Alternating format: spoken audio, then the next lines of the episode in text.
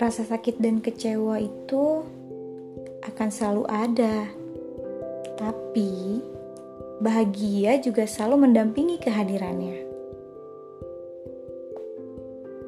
Banyak yang bertanya, kapan bahagia aku akan datang?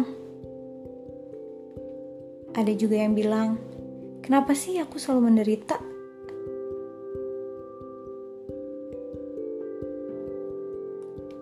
Padahal jawabannya cuma diri sendiri yang tahu. Tanyakan pada hati, apa yang mau kita pilih? Bahagia atau kecewa?